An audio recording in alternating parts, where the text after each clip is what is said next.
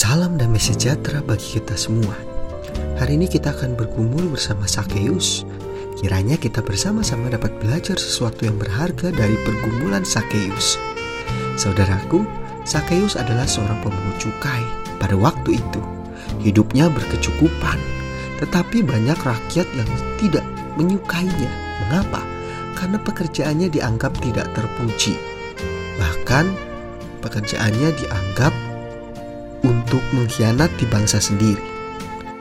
Mereka memandang dia sebagai seorang pendosa. Hanya Yesus yang memanggilnya dengan penuh kasih dan memandangnya tanpa sorot mata menghakimi.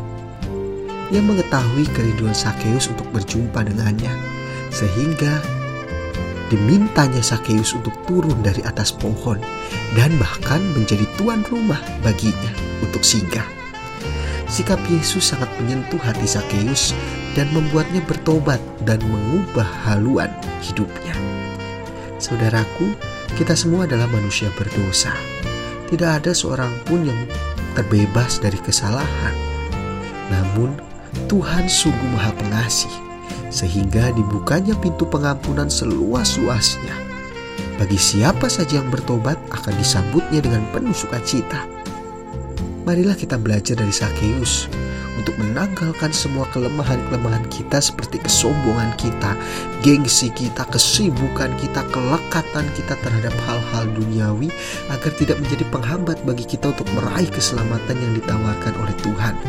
Seperti Sakeus, ia melepaskan kewibawaannya, kesombongannya untuk melihat Yesus. Ia naik ke atas pohon dan di situlah ia berjumpa, bertatap muka dengan Yesus.